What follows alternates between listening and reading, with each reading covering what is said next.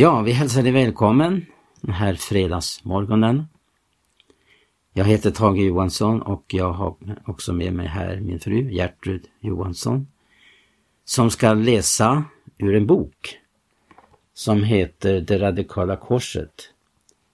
Eh, välkända författaren och predikanten A.V. Toser. Ja, det är ju så att eh, vi får en väldigt klar och tydlig undervisning i Guds ord om korset och dess betydelse. Och det är så här att jag faktiskt den här morgonen vaknade av att eh, eh det blev väldigt levande och dyrbart detta. Vad som eh, måste till för vår frälsning och eh, för vårt eh, kristna liv och vår vandring här i tiden. Att eh, förstå och uppleva innebörden utav på det sätt som Jesus fick uppleva eh, sin avslutning på korset. Det var inte människor som planlade på det sätt han skulle dö utan det var givet i förhand. Och det var nödvändigt, därför måste Jesus dö på korset och på det sätt han dog. Och att eh, det hade en stor betydelse just detta att eh, hans fötter och händer genomborrades. Och eh, hans eh, panna, den bar märken av en törnekrona.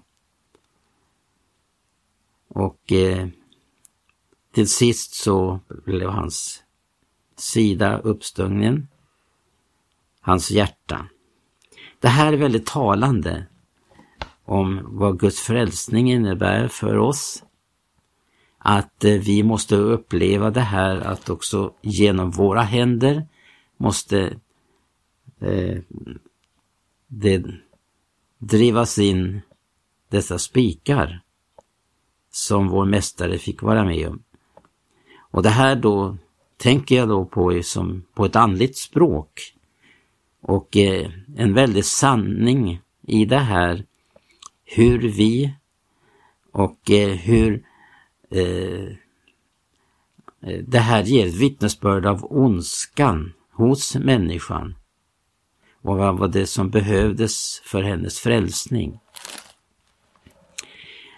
Eh, där det, vi tänker då på att han blev naglad fast vid korset, hans händer och hans fötter genomborrades. Naglades fast vid korset som det uttrycks i Filipperbrevet.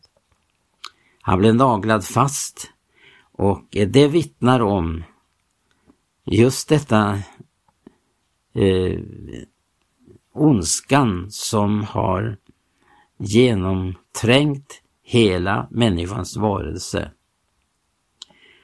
Och det här ska jag också komma eh, tillbaka till här strax.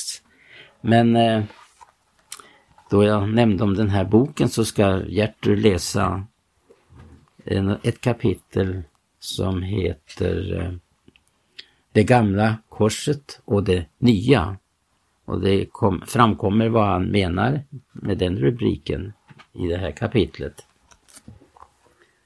Ja, jag läser.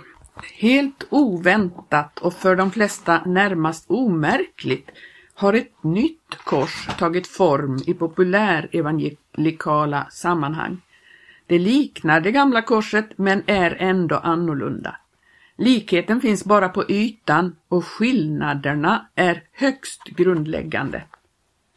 Ur detta nya kors har en ny filosofi beträffande det kristna livet vuxit fram och ur denna nya filosofi har det i sin tur vuxit fram en ny sorts evangelikal teknik, en ny mötesform och en ny slags förkunnelse. Denna nya evangelikalism använder samma språk som det gamla, men innehållet är inte detsamma och inte heller betoningen. Det gamla korset vill inte veta av någon gemenskap med världen. För Adams stolta natur innebar det slutet på resan. Det gamla korset tillämpade det straff som utfärdats genom Guds undervisning på Sinai. Det nya korset står inte i strid med den mänskliga naturen utan är snarare en vänlig själ och rätt tolkat källan till många glada skratt och oskyldiga nöjen. Det låter Adam leva sitt liv utan inblandning. Hans livsmotivation förblir oförändrad. Hans enda mål är njutningslystnaden med den skillnaden att nu handlar det mer om att sjunga glada refränger och se på religiösa filmer istället för att sjunga oanständiga visor och dricka sprit. Betoningen ligger fortfarande på njutning, men det roliga har lyfts upp till en högre moralisk, om än inte högre intellektuell nivå. Det nya korset uppmuntrar till ett helt nytt evangelikalt förhållningssätt. Evangelikalen kräver inget avståndstagande från det gamla livet innan det nya livet kan tas emot. Han predikar inte kontraster utan likheter. Han vill väcka åhörarnas intresse genom att visa att den kristna tron inte ställer några obekväma krav, inte alls. Den erbjuder detsamma som världen fast på en högre nivå. Vad helst den syndgalna världen ropar efter för ögonblicket råkar av en ren händelse vara detsamma som det som evangeliet erbjuder, förutom att den religiösa produkten är bättre. Det nya korset avrättar inte syndaren. Det ger honom bara en ny inriktning i livet. Det styr honom mot en renare och gladare livsstil och stärker hans självrespekt. Till den självsäkre säger det Kom och stärk ditt jag i Kristus. Till den självupptagne säger det Kom och skryt i Herren. Till den äventyrslystne säger det Kom och upplev spänningen i den kristna gemenskapen. Man låter det kristna budskapet kantra i riktning mot vad som just då råkar vara på modet för att göra det mer attraktivt för människorna. Filosofin bakom detta tänkande må vara uppriktigt menad, men uppriktighet hindrar den inte från att vara falsk lära. Den är falsk eftersom den är blind. Den missar fullständigt själva syftet med korset. Det gamla korset är en symbol för död. Det representerar det plötsliga och våldsamma slutet på en människas liv. Den som på romartiden axlade sitt kors och började sin vandring mot avrättningsplatsen hade redan tagit farväl av alla sina vänner. Han skulle inte komma tillbaka. Hans liv skulle snart vara slut. Det korset kompromissade aldrig, lade aldrig något till rätta, skonade ingen. Det avlivade hela människan fullständigt och för alltid. Det försökte inte bli vän med sitt offer. Det slog till grymt och skoningslöst och när det hade fullgjort sin uppgift så fanns den människan inte längre. Adams släkte står under dödsdomen. Det finns ingen ersättare och ingen väg ut. Gud kan inte bejaka någon av syndens frukter, hur oskyldig eller vacker den än må förefalla i människors ögon. Gud frälser människan genom att likvidera henne och sedan låta henne uppstå igen till ett nytt liv. Den form av evangelisation som drar vänskapliga paralleller mellan Guds vägar och människans kallas i Bibeln falsk lära och är det grymmaste man kan göra mot en människa. Tron på Kristus har inga vänskapsband till världen. Den skär rakt igenom den. När vi kommer till Kristus lyfter vi inte upp det gamla livet till en högre nivå. Vi lämnar det på korset. Vetekornet måste falla i jorden och dö. Vi som förkunnar evangeliet får inte betrakta oss själva som PR-agenter vars uppdrag är att skapa goda relationer mellan Kristus och världen. Vi får inte betrakta oss själva som sändebud vars uppdrag är att göra Kristus godtagbar inom näringslivet, media och sportvärlden eller modern pedagogik vi är inga diplomater utan profeter och vårt budskap är ingen kompromiss utan ett ultimatum. Gud erbjuder oss liv, men inte ett gammalt förbättrat liv. Det liv han erbjuder är ett liv ut ur döden och vägen dit går alltid genom korset. Den som vill vinna det måste gå in under korset. Han måste förneka sig själv och instämma i Guds rättmätiga straff för honom.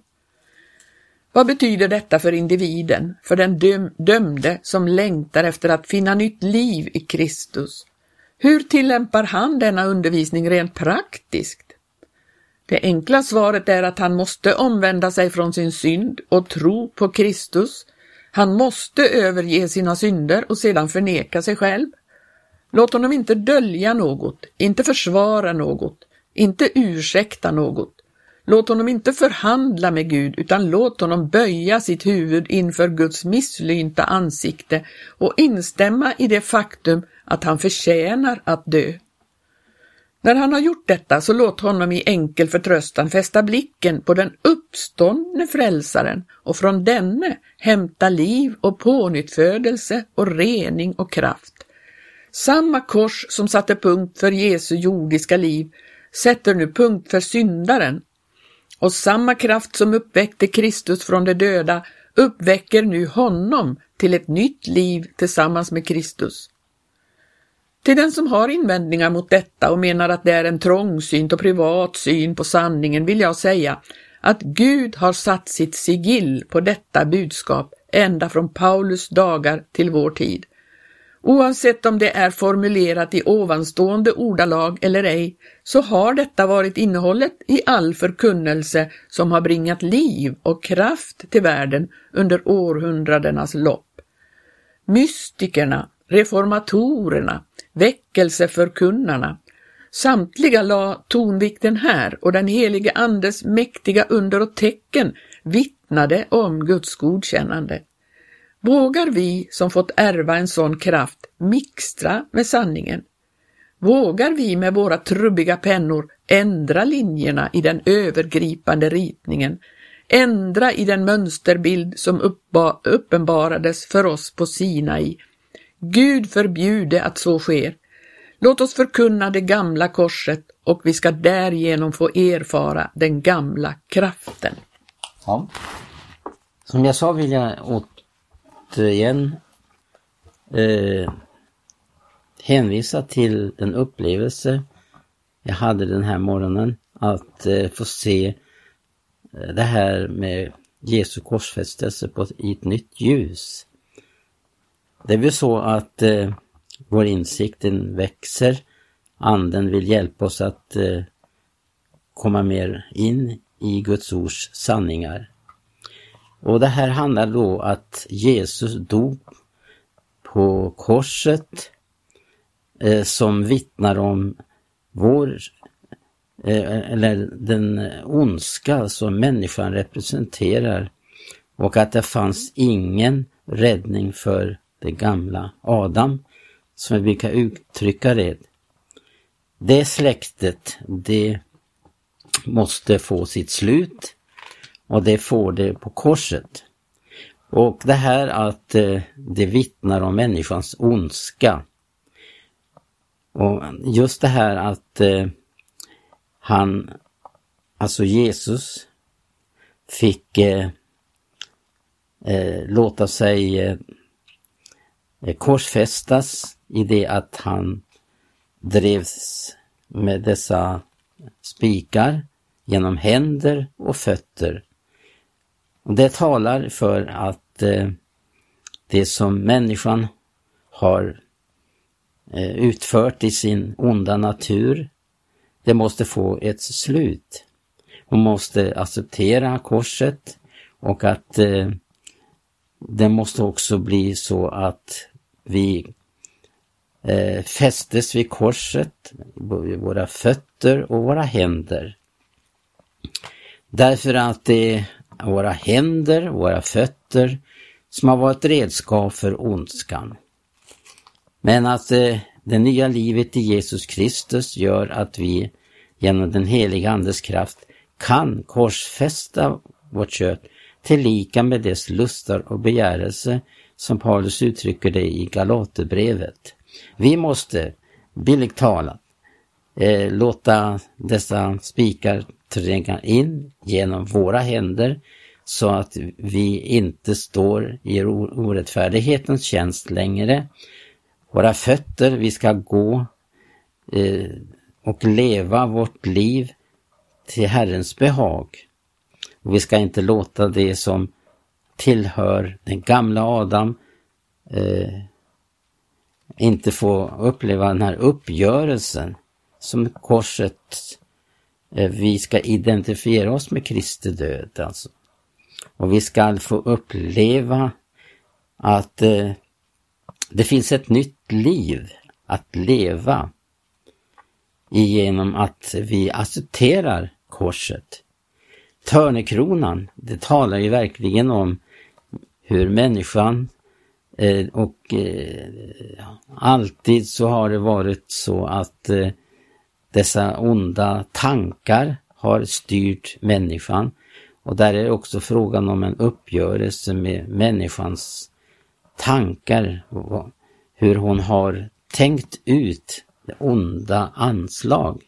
Hon har tänkt ut ont både mot Gud och människor. Därför var det också nödvändigt att en törnekrona skulle eh, kröna Jesus, som han gjorde. Till sist så kommer vi till det att eh, hans hjärta måste genoms, bli genomstunget, som man, soldaterna gjorde.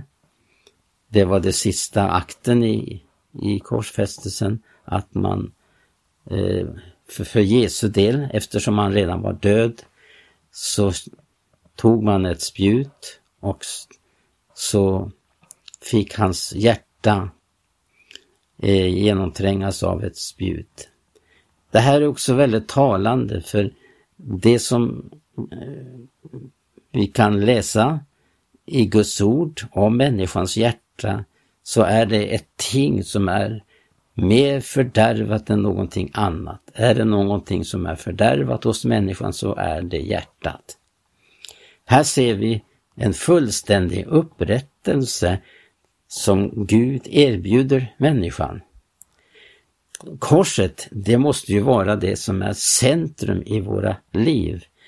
Att vi upplevt som eh, Paulus säger, skriver till Galaterna att eh, han är korsfäst för världen och världen för honom.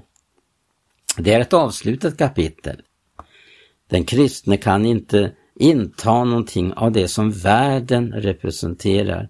Hon har gått in i ett annat rike och därför så understryker Jesus där i sin undervisning hur viktigt det är att söka Guds rike för allting annat. Sök Guds rike först, sa Jesus.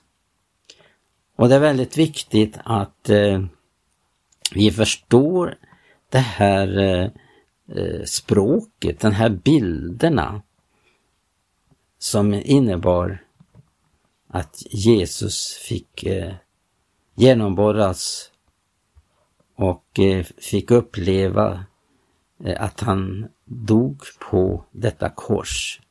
Korset, det som vi har hört här, om det finns, det finns ett radikalkors och det finns också ett annat kors som är eh, omforma, omformat av människan.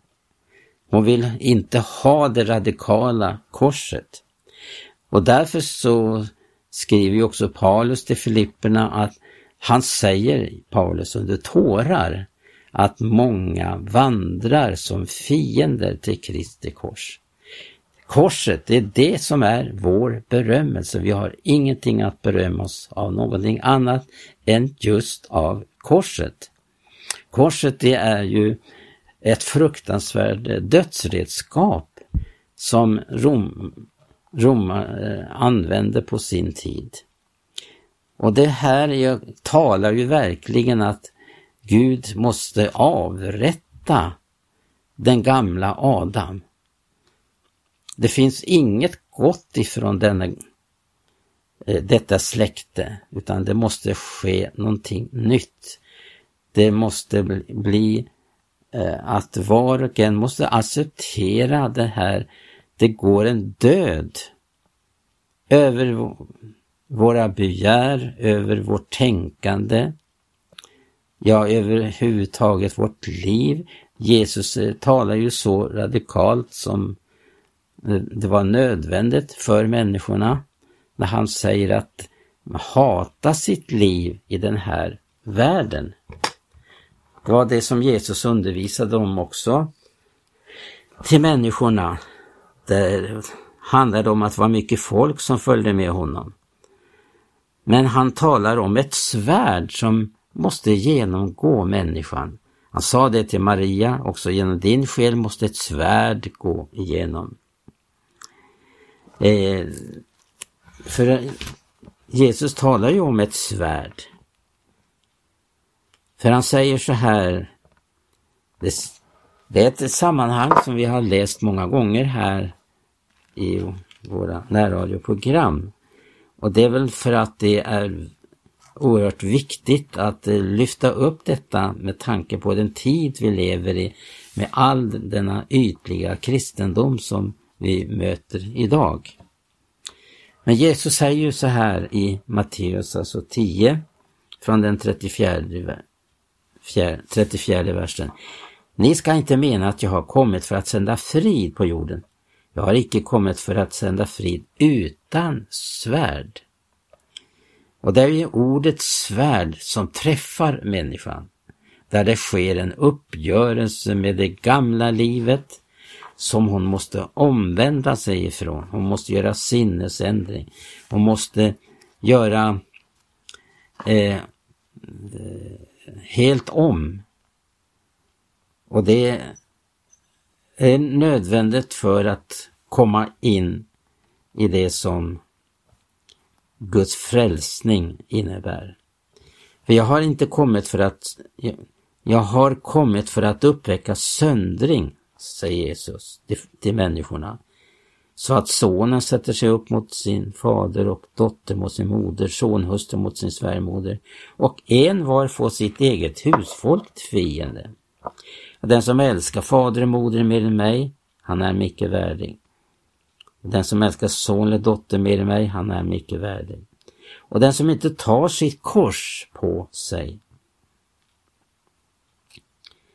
och efterföljer mig, han är inte värdig. Den som inte tar sitt kors och efterföljer mig, han är mig icke värdig. Den som finner sitt liv, han ska mista det. Men den som mister sitt liv, han ska finna det. Ja, han säger också Jesus att vetekornet, det måste falla i jorden och dö.